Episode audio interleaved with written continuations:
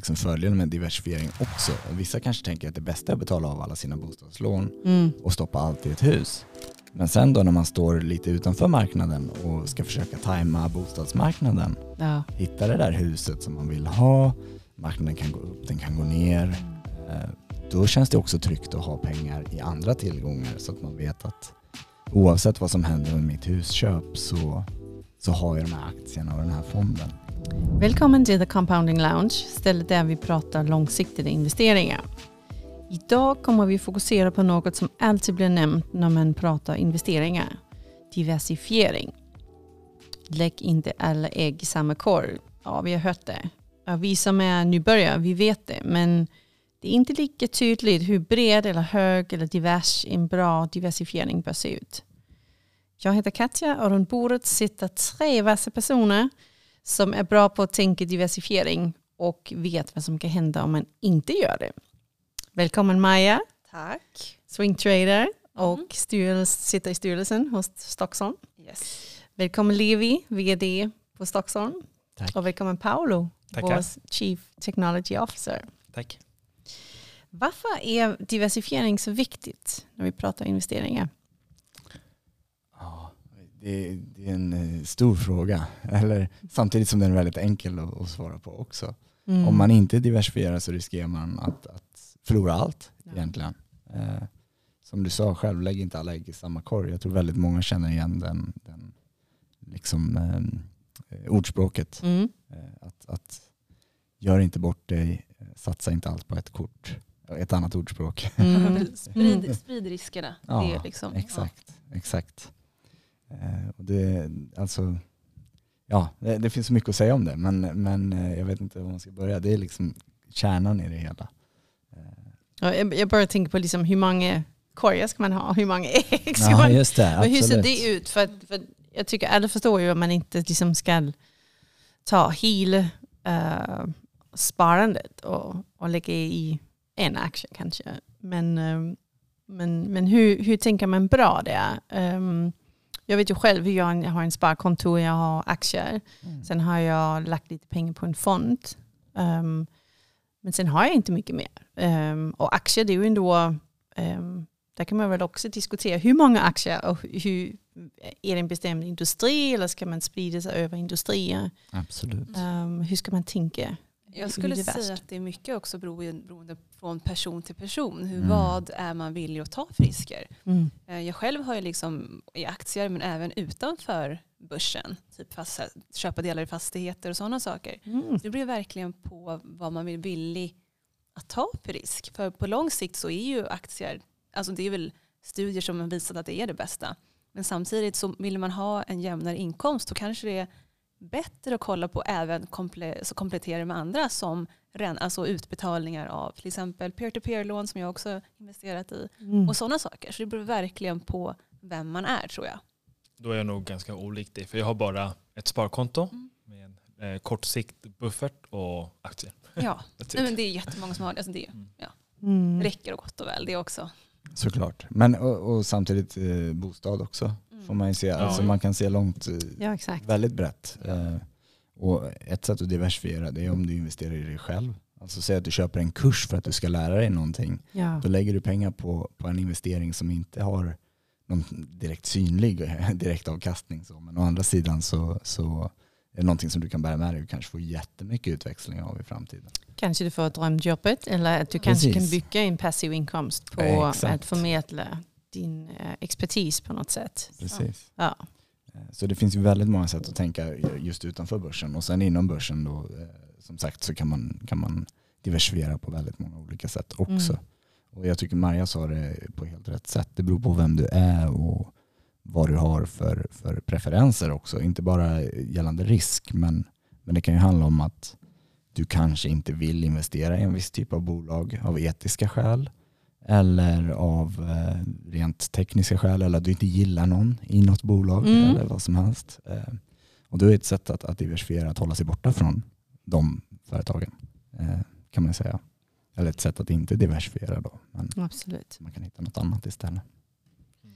Hur diversifierar ni era investeringar? Eh, Paolo, du sa lite, du, du, har, du har liksom tre eh, källor kan man säga. Ja. Ehm, ja, ett sparkonto med en, ingen ränta alls. Mm. Ehm, och det är pengar som jag behöver till semestern eller Typ väldigt kort sikt. Ja, Ja. jag ska säga närmsta ett, två åren. Mm. Ehm, och eh, Och har du de klassiska tre månaders lön i storlek eller ehm, som många rekommenderar?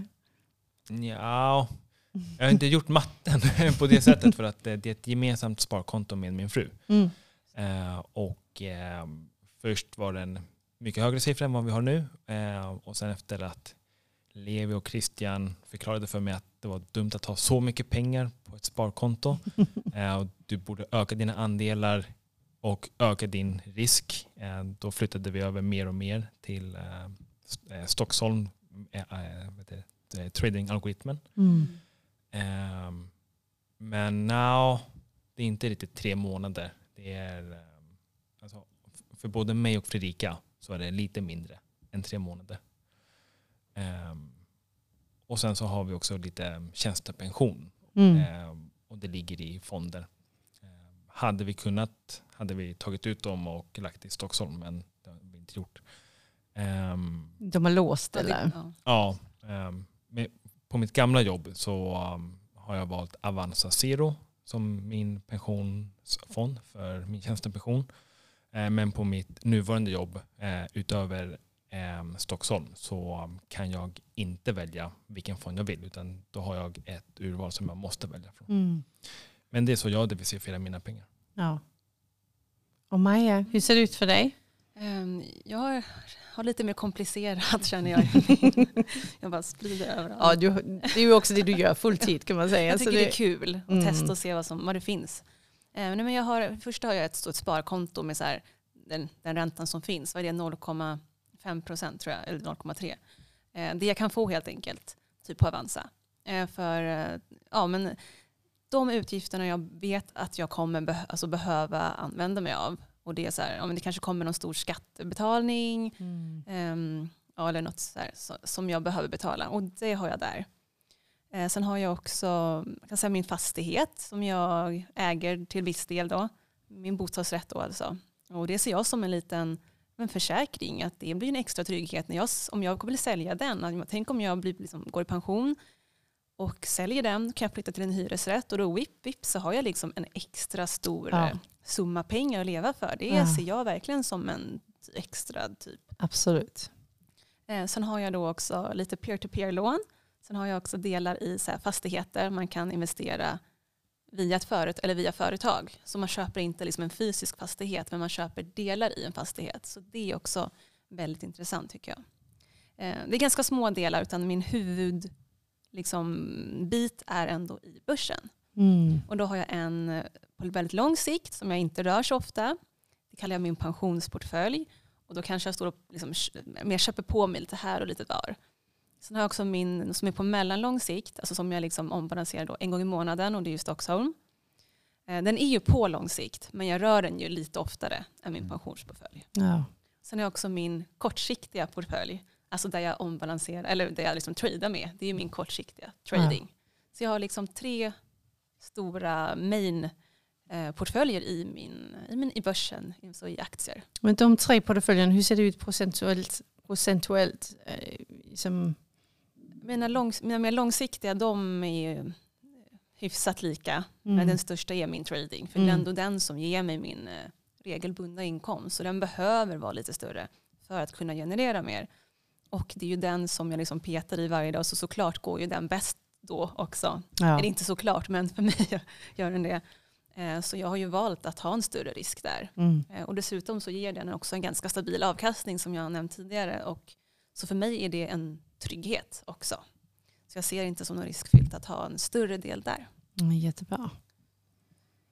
Och Levi, du har ju i alla fall precis köpt hus. Ja precis, jo men det är väl kanske min största, ja det är ju min största post just nu. Ja. Eh, sen så ägs ju det till stor del av banken också, Mm. men, eh, men definitivt så har man ju förhoppningsvis en, en positiv avkastning där med tiden.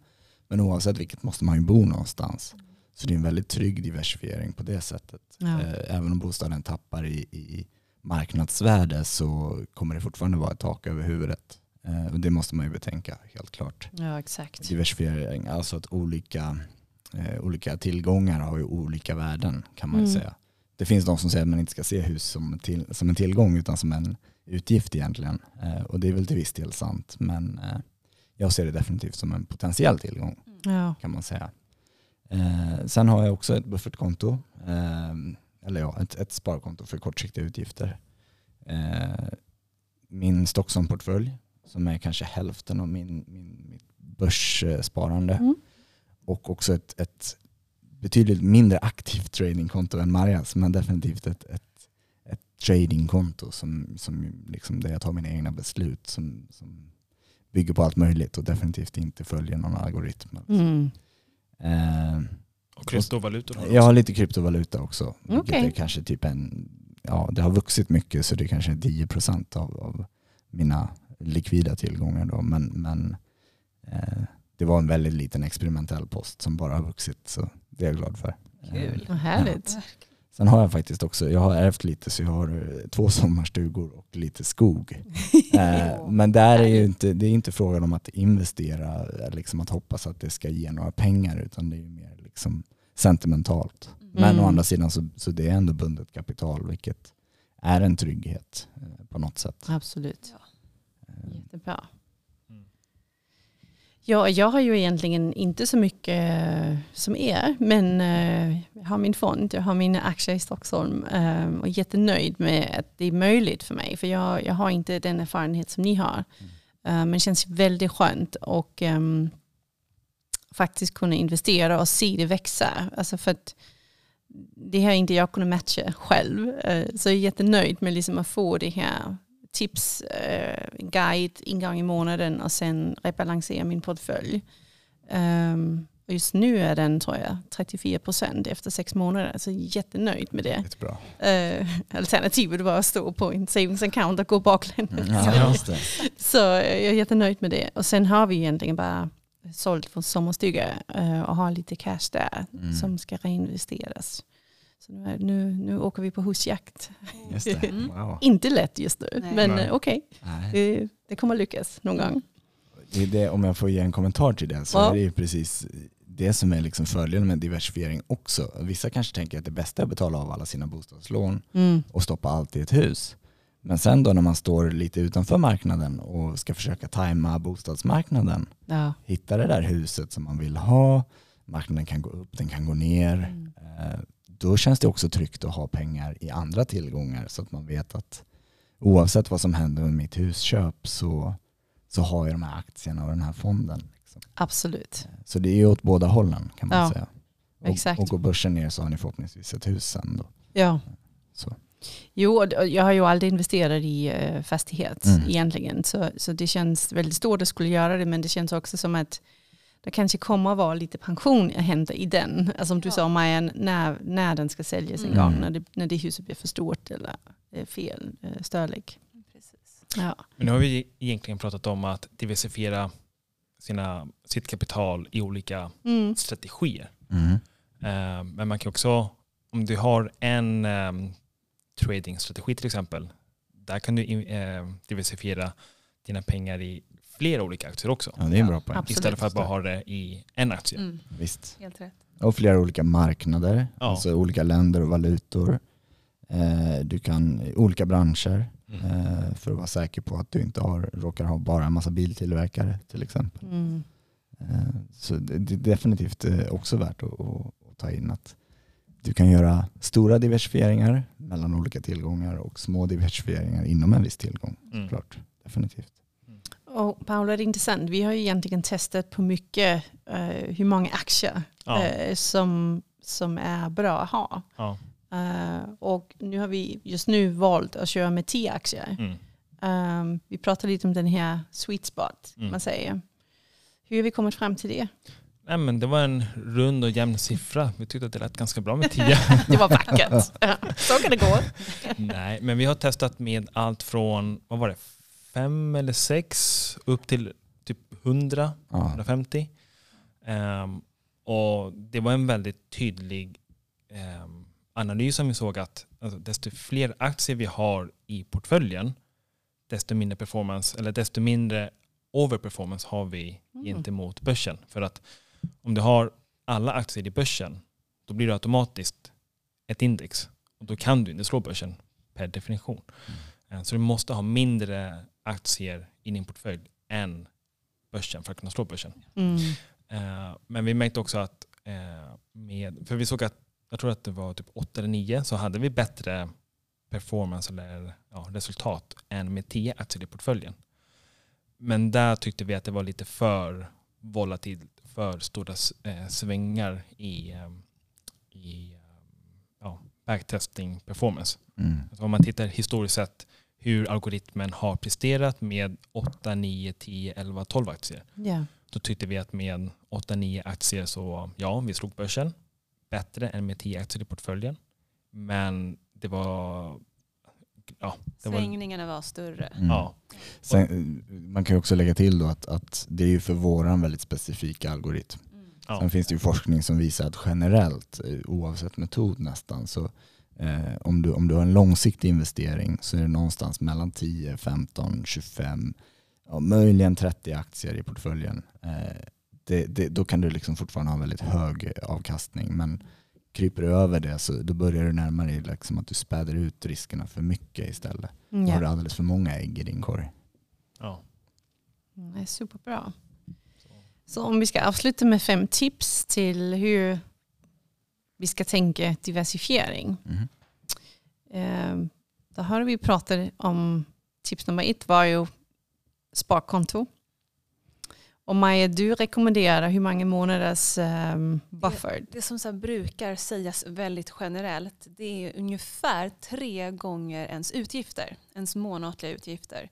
Eh, Men det beror verkligen mycket på vad man har för utgifter. Har du kanske barn? Har du en villa där det kan säga pang, du måste köpa en stor, stor grej av vattenskador.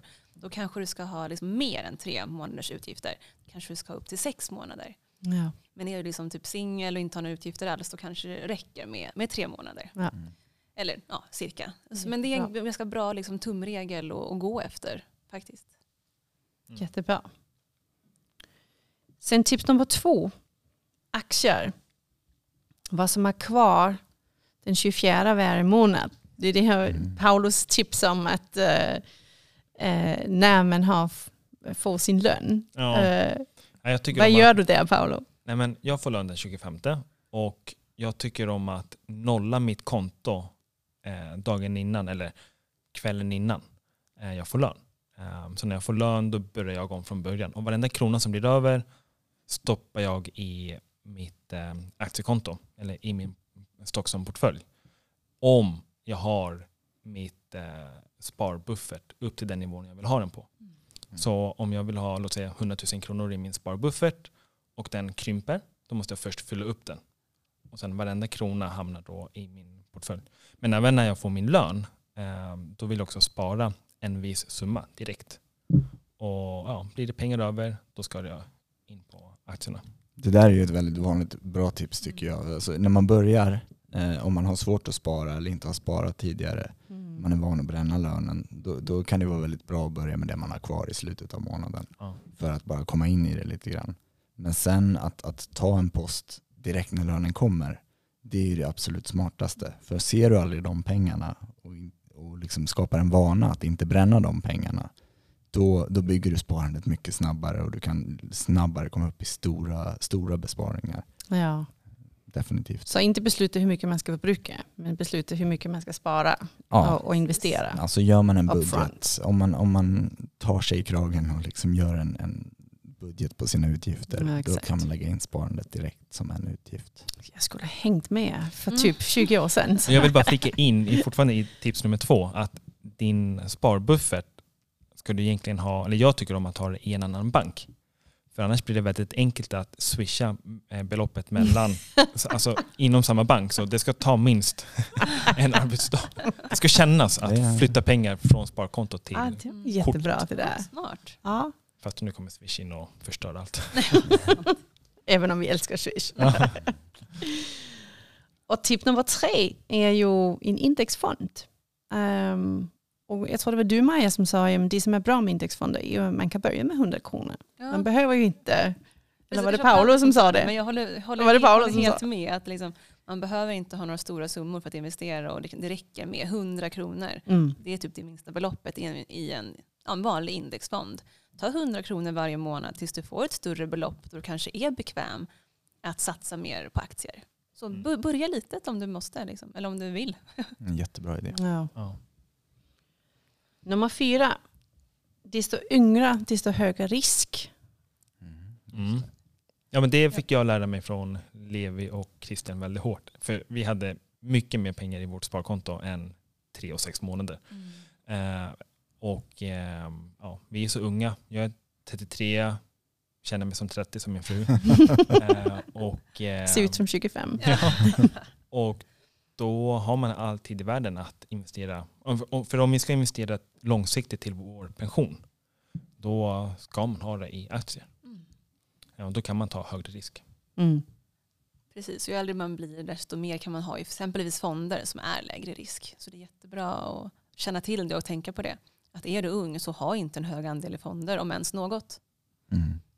Sen kan det vara en bra start Ja, om man ja, inte men- vågar med aktier och inte vet hur man ska göra. Absolut, absolut. Det, Men absolut. det är helt rätt. Men om du är insatt tänker jag, om man liksom har kunskapen, Ja. då ska man inte ha mer det som en, en nödvändigt. Nej, jag håller med. Jag håller helt med.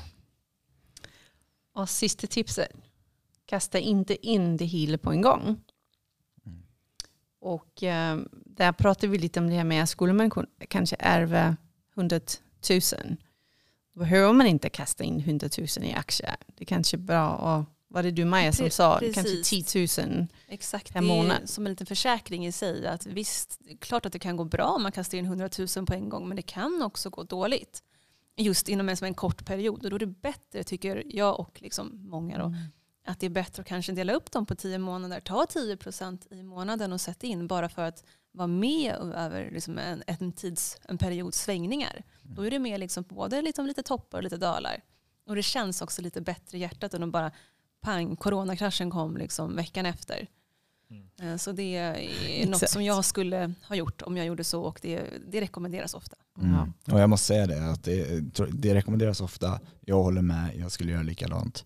Men det finns också de som menar att, att kollar man på matten då så är det, om du ska investera under väldigt lång tid så är det viktigt att pengarna är, jobbar tidigt. Så att ju snabbare du kan få in pengarna och verkligen, det bygger på att du ska då också ha mentaliteten och, och den emotionella styrkan att hålla dig i börsen. Då, då är det bättre att börja tidigt med så mycket som möjligt. Men de allra flesta har liksom jobbigt att ta de här svängningarna och därför är det bättre att sprida ut det då. Jag, jag har också hört den, den poängen. Mm. Jag känner att jag håller ändå inte med. För det känns som det passar in på en stor grupp och många gör det. Men som enskild person då tycker jag Mm. att det blir för stor risk. Om det nu kommer en krasch då har man ju tagit en onödig risk tycker jag som inte, man inte behöver. Nej, ja, precis. Nej, men å andra sidan, eh, ja, matematiskt. Om du ska hålla det så pass långt som 20 år så, så kommer du ha tjänat mer på att då gå in innan en krasch. Men å andra sidan, går du in precis i kraschen så ja, det, det Det är en smaksak. ja, lite Agree to säga. disagree. Ja, nej men exakt. Det- Nej, men det är viktigt att känna till att det finns flera, Absolut. flera läger. Ja, exakt. Man får hitta sin egen diversifiering. Exakt. Precis. Härligt. Tack för att ni kom. Tack. Tack. Tack för att du lyssnade på The Compounding Lounge.